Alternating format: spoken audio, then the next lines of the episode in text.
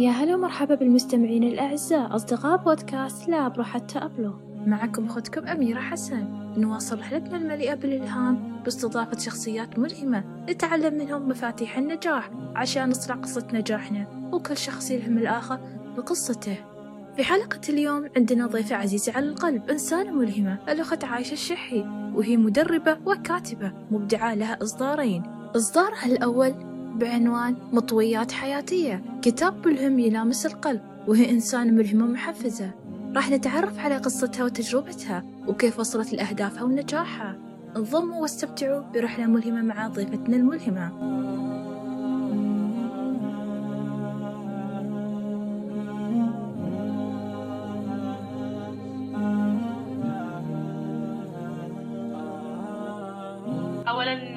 اولا اوجه تحية لك كاتبتنا المبدعة وأمانة أنا جدا جدا فخورة تواجدي في هذا البرنامج الملهم. اولا طبعا حتى أعطيكم نبذة سريعة عني وياكم اختكم عاشة الشحي أنا حياتي عبارة عن محطات يعني مختلفة تماما يعني خاصة في تخصص الجامعي إلى التدريب. أنا خريجة ترجمة ولغويات وكذلك مدربة معتمدة في جانب تطوير الذات. وكاتبة في هذا المجال ولله الحمد. صدرت لي طبعا كتابين. أول كتاب كان بعنوان مطويات حياتية. الكتاب الأخير اللي تم إصداره من تقريبا أسبوع يحمل عنوان وقفة مع الذات. رسالتي دائما في الحياة اللي هي أن الإنسان قادر على التغيير. يمكن هذه الرسالة حبيت أوصلها من بعد صعوبات واجهتها في حياتي عاشة قبل ثمان سنوات. لم تكن مثل الآن كانت إنسان جدا سلبية تغيرت نتيجة لمؤثرات فعاهدت نفسي أن في يوم من الأيام راح أوصل رسالة للآخرين بأن الإنسان قادر على التغيير. لذلك كانت هذه رسالتي تطوير الذات ما شاء الله تبارك الله. أحييك على هالإنجازات العظيمة وبإذن الله تصلين إلى أعلى المراتب. ما شاء الله رسالتك واضحة بعد ما بنيتي نفسك قررتي تساعدين وتلهمين الآخرين. بإذن الله تعالى توصلين إلى أعلى المراتب وتصيرين شخصية مؤثرة. سؤالنا الثاني من هم أكبر ملهمينك وكيف أثروا على حياتك؟ سبحان الله في الحياة دائما يكون في عندنا مؤثرات. يعني في كتاب اللي جديد تطرقت لهذا الجانب أن الإنسان هو خليط من شخصيات متعددة.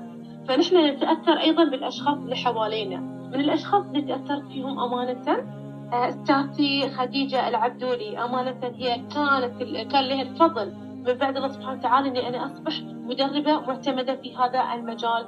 يعني أنا كنت باحثة عمل زين. وفي يوم من الأيام يعني دخلت لدورة تم طبعا إصدارها من قبل الموارد البشرية عن التخطيط الشخصي نحو التميز. فبداية في البداية في بداية المحاضرة كانت الأستاذة تقول لي آه إنها غير موظفة وإنها مدربة.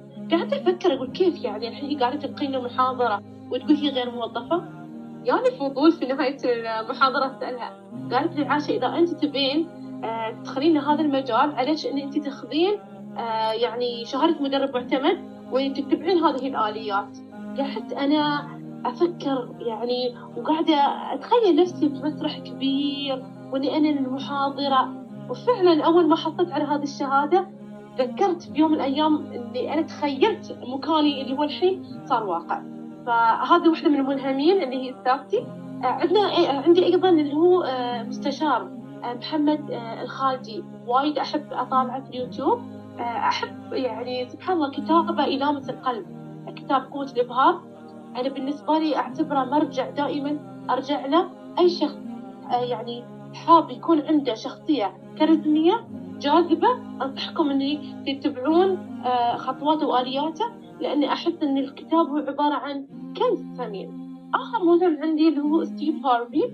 الشيء اللي حبيته في ستيف هارفي أنه هو قاعد يعني يطرح شو الصعوبات اللي واجهها حتى الإنسان يوصل. من الأشياء الجوهرية اللي أمانة اعتنقتها اللي هي عن أهمية الوقت. للأسف أستاذة أميرة البعض لا يدرك بأن للوقت يعني جوهر عظيم في تحقيق الإنجازات. حتى الإنسان قادر أن يصبح ثريا. زين هو كان يتطرق لهالشيء كيف كان فقير وصار ثريا؟ من خلال اللي هو الوقت. فكان يقول أنا تعلمت كيف إني أنا أنهض من الساعة خمسة. كيف أنا أستغل وأستثمر وقتي؟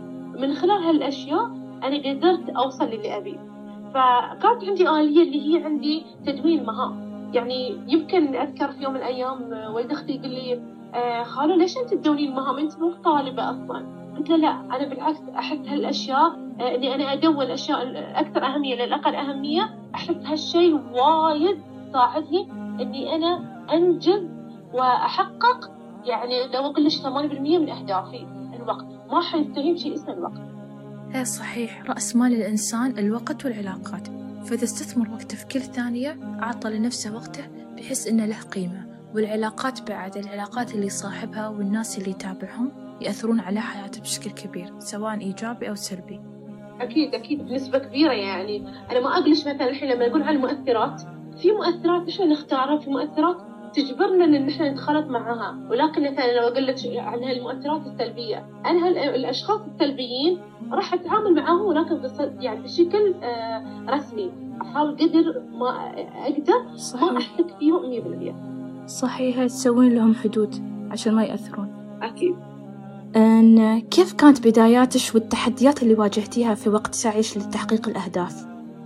طبعا لو اقولش عن التحديات يمكن ما راح أقدر أتكلم فيها حتى بعشر ساعات يعني. ولكن راح أختصرها بشيء آه، بسيط. يعني أول ما دخلت لي مدرب معتمد يمكن ربيعاتي وايد انصدموا كون اني أنا إنسانة كنت انطوائية جدا جدا جدا وأستحي إني أنا أتخالف مع آه، اللي هو آه، الذكور. فكيف عاشة أنت راح تدخلين لهذا المجال وأنت بحد ذاتك عندك رهاب من هذا الأمر؟ فدركت هذا الموضوع من خلال كيف؟ يعني كيف عاشت دركت هالموضوع؟ ما من خلال محاضراتي لا. أنا كنت وايد آه، أتدرب آه، طبعا عندنا في آه، إمارة الشارجة. الموارد البشرية ما يقصرون كانوا يعطونا تدريب ميداني. فدخلت لمؤسستين حكوميتين اللي هي التنمية الأسرية والخدمات الاجتماعية. كان دوري في الخدمات الاجتماعية اللي هي الإرشاد التثقيفي اللي هي المحاضرات. فكنت أسير مع اللي هي آه، اللي أعتبرها مثابة والدت والدتي أم عبد الله. كان عندنا دائما أنشطة خارجية. يعني غير محاضرات عندنا أنشطة في الشارجة مثل مهرجان الطفل القرائي نسير مدارس نسير مؤسسات. فهذا الشيء بحد ذاته كثر عندي حاجز الخوف. فقو الطاقة اللي بعد اللي كانت تعطيها حقي اللي عاشة أنت آه راح تقدرين. عاشة هذه بالعكس الإنسان كل ما يخفق راح يتعلم. نحن دائما في حياتنا يا أختي أميرة أستاذة أميرة حياتنا عبارة عن محطات إخفاقات. من خلال هذه الإخفاقات نحن نتعلم منها. يعني بالنسبة لي أنا شخصيا ما في شيء اسمه عندي بقاموسي الفشل هي إخفاقات. الإنسان إذا تعلم منها سيصل إلى آه، آه، أهدافه. فهذه إحدى اللي هي الصعوبات اللي واجهتني. الصعوبات الثانية اللي واجهتني خاصة في مجال التدريب إني أول ما حصلت على شهادة مدرب معتمد كنت أبي أحصل مركز يحتضن داعي في هذا الجانب. فللأسف قعدت سنة ونص وأنا قاعدة أجاهد بس أبي مؤسسة تقول لعاشة خلاص نحن راح يعني نوافق على نشتي تلقين محاضرة اغتنمت الفرصة متى؟ في جائحة كورونا تحولت المحاضرات كلها إلى يعني أونلاين فكنت شو أسوي؟ أدخل لي المراكز هذه عبر الرسائل الخاصة وأقول لهم إني أنا مدربة وعندي شهادة أمانة كل ما أشوف إعلان عن محاضرة أدخل لهم فمن بين المراكز اللي احتضتني أمانة وأوجه لهم شكر مركز رواد الأعمال آه، مع الأخت هدى جزاها الله خير. ما قصرت وأنا ما زلت مستمرة وياهم. يعني احتضنوني ولا دائما دائما يعني ما أنا اللي أقول لهم أبادر لا هم اللي يتواصلون وياي عشان بس أقدم وياهم محاضرة. فمن هذه الآلية أنا يعني تم استضافتي بعدها يعني في محاضرات حضورية طلعت طلعت نفسي من خلال اللي هي هذه الفترة الصعبة اللي البعض يعتبرها اللي هي فيها جانب سلبي ولكن أنا بالنسبة لي فيها جانب إيجابي. ما شاء الله تبارك الله أحييش على أنك واجهتي لأن البعض إذا واجه في الطريقة معيقات ولا يستسلم من أول خطوة فما يواجه. لكن نفس ما قالوا الشجعان يواجهون أما الجبناء يهربون. أكيد أن الإنسان أصلا إذا نحن اعتبرنا أن الحياة كلها عبارة عن نجاح نجاح نجاح هذا بالنسبة لي هذا ما في شيء ما في قاموس في الحياة إن الحياة كلها عبارة عن نجاح كلها سعادة كلها فرح. لا الحياة هي ملح وسكر إذا أنا اليوم أخفقت باكر راح أنجح. ولكن الإنسان لابد أن يكون في داخله قناعة أن كل كفاحي وتعبي راح يثمر في يوم من الأيام. وأن هنالك بطيف أمل راح يعني راح يعطي لحياتي آه، رونق آخر. يعني لو سألتي أي ناجح في الحياة قولي له كيف بداياتك؟ يقول عانى وذاق من المر ما لم يذقه في الآخرين. يعني بس الإنسان للأسف الأغلب ما راح أقول بعض أنا لما أشوف الإنسان الناجح إنه وصل يقول هي هذا الإنسان ناجح ناجح يشوفه يطالع له بنظرة غير يعني ثانية وهو ما يعرف شو العثرات. اللي هالإنسان واجهها في حياته شو الصعوبات شو الآلام اللي مر فيها؟ شو الدموع اللي أذرفها حتى هو يوصل ترى؟ بس صحيح. للأسف هذا هذا طبيعة البشر يشوفون النهايات. النتيجة هي هي صحيح يشوفون النتيجة لكن خلف الكواليس البطل هو اللي عاشه. أكيد. كل لحظة قاعدين نحن آه، نعيشها مهما كان صعبة لكن إحنا لأن عندنا يقين بالله سبحانه وتعالى أن هنالك في شيء جميل بانتظارنا. صحيح وأن سعيه سوف يرى. ونعم بالله آه البعض ينتظر اللحظة المثالية آه عشان يبدأ فإيش تقول تنصحينهم؟ ما في شيء بالحياة شيء اسمه مثالي. يعني استاذتي أميرة راح أقول لك شيء شو اللي يحصل لي في الحياة؟ نظام المقارنات. يعني مثلا الحين أنت مدربة أنا مدربة. زين؟ بس اعتبر نفسي مثلا إني أنا الحين من شهرين ماخذه الشهادة وأنتي من خمس سنوات. إذا أنا قعدت الحين أقول إيه الأستاذة أميرة هي إنسانة مبدعة. يعني أنا ليش اقص على نفسي إني أنا راح اوصل مثلها؟ هني شو سويت أنا قاعدة شو أسوي؟ أعيق اللي هي شو؟ إدراكاتي. قاعدة أعيق اللي هي مواهبي. أنا هني أشتت ذاتي بطريقة أنا حتى ما عرفت نفسي أو أني أنا ما ما أعطيت نفسي الثقة. فمن الأشياء المدمرة يمكن أن البعض ما ينتبه لها أني أنا أقارن نفسي بالآخرين. الصحيح في في آه في قانون الحياة أني أنا أقارن ذاتي زين يعني عاشه كيف كانت 2018 وكيف راح تصير 2024 عفوا. صحيح. ما أقارن نفسي بالآخرين. ليش؟ لأني أنا إذا الحين قاعدة أقارن نفسي بالآخرين أنا راح هني بالنسبة لي راح أعيق حركتي. لأني أنا راح أحاول إني أنا أكون قالب جاهز اللي هي آه، يعني كوبي بس من الآخرين. ما طلعت الجانب الابداعي من داخلي. فهالأمر أنا بالنسبة لي أعتبره من الأمور الهادمة اللي الآخرين يمكن ما القوا لها بالا حتى ما يعني في جانب النجاح أو التحديات حلو إن الإنسان يعيش مع ذاته هذه الصراعات؟ ما إني أنا قاعدة أصارع الآخرين حتى أنا أحصل على اللي أريده ولكن ب يعني آه عن طريق إني أنا أؤذي الآخرين. هذا شيء جدا خاطئ. حتى في جانب العمل ترى حتى ما بس الدراسه والعمل في شتى مجالات حياتنا الإنسان إذا هو عاش صراع مع ذاته وتحدي تحدى ذاته راح يوصل إذا كان عنده منطق إيجابي أني خلف هذا كل هالتحديات والصعوبات والصراعات يوم من الأيام أني أنا راح أوصل للي أنا أبيه. هذا هذا يعني القانون اللي أنا بالنسبة لي أختصره في الموضوع اللي أنت ذكرتيه. إيه صح المقارنة والمنافسة إذا الإنسان قارن نفسه بنفسه وكل مرة ينافس نسخته القديمة بيشوف إنه كل مرة يتقدم في الحياة.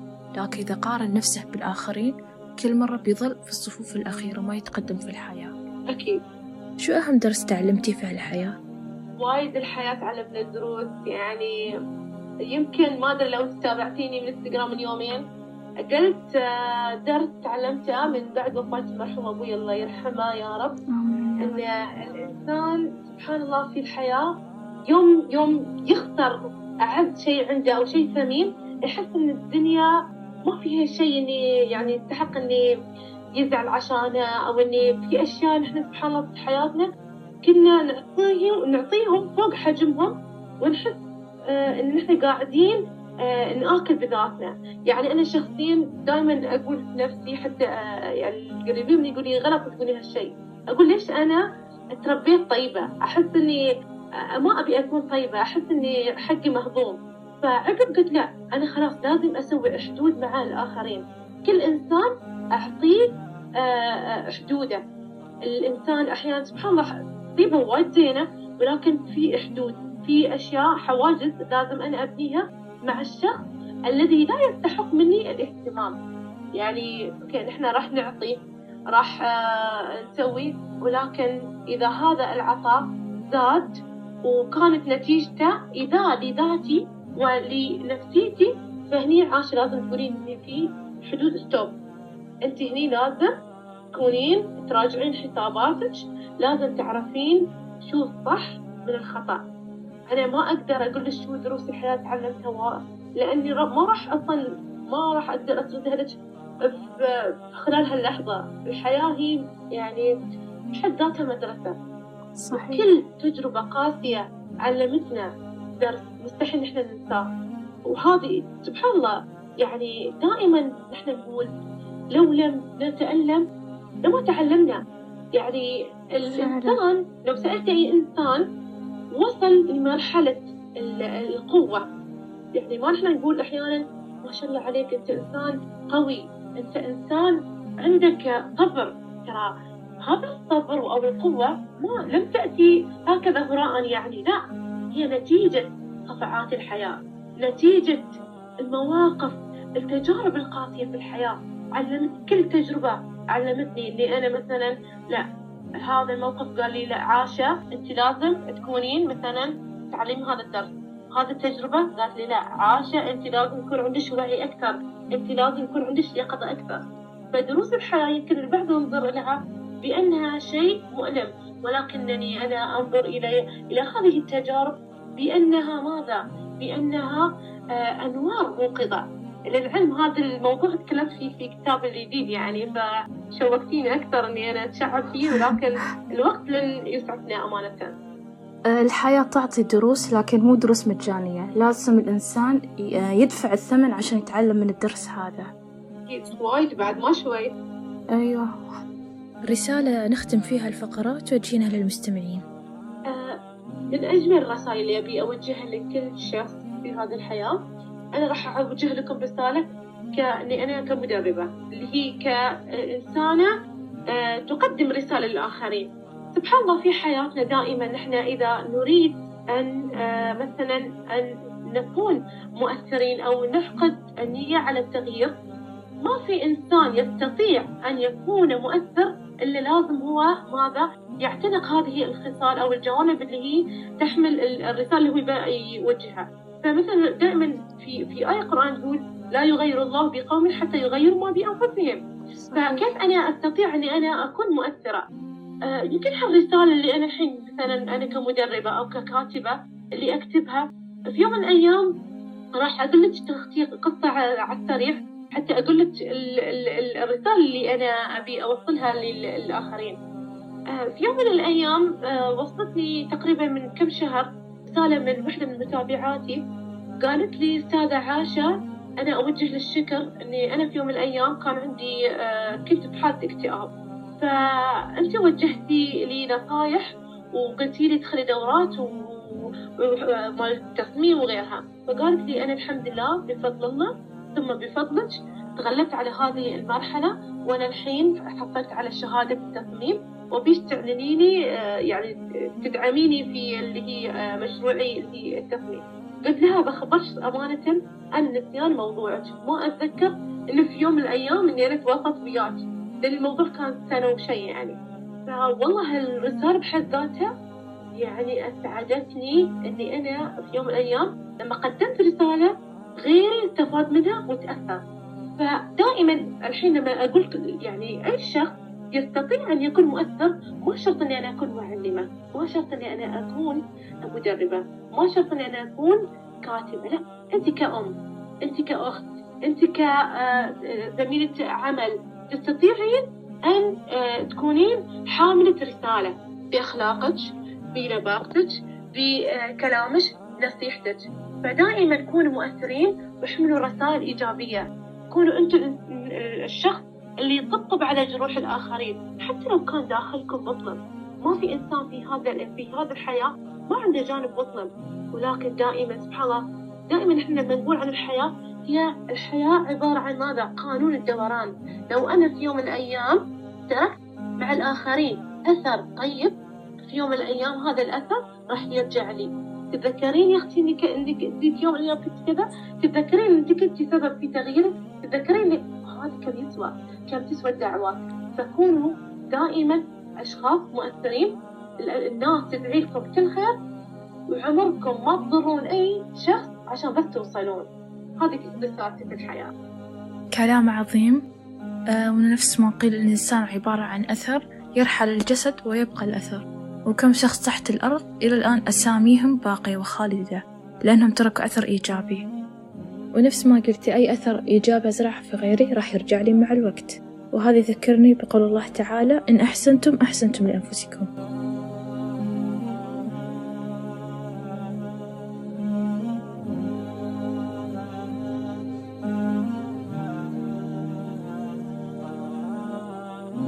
أختم هالحلقة بهالمقولة العظيمة. لا تنتظر اللحظة المثالية لتبدأ بل خذ اللحظة واجعلها مثالية. اشتركوا في قناة بودكاست لا أبرو حتى أبلغ وترقبوا الحلقات القادمة واستمتعوا برحلة ملهمة مع ضيوفنا الأبطال. كنتم مع أميرة الأمل بودكاست لا أبرو حتى أبلغ.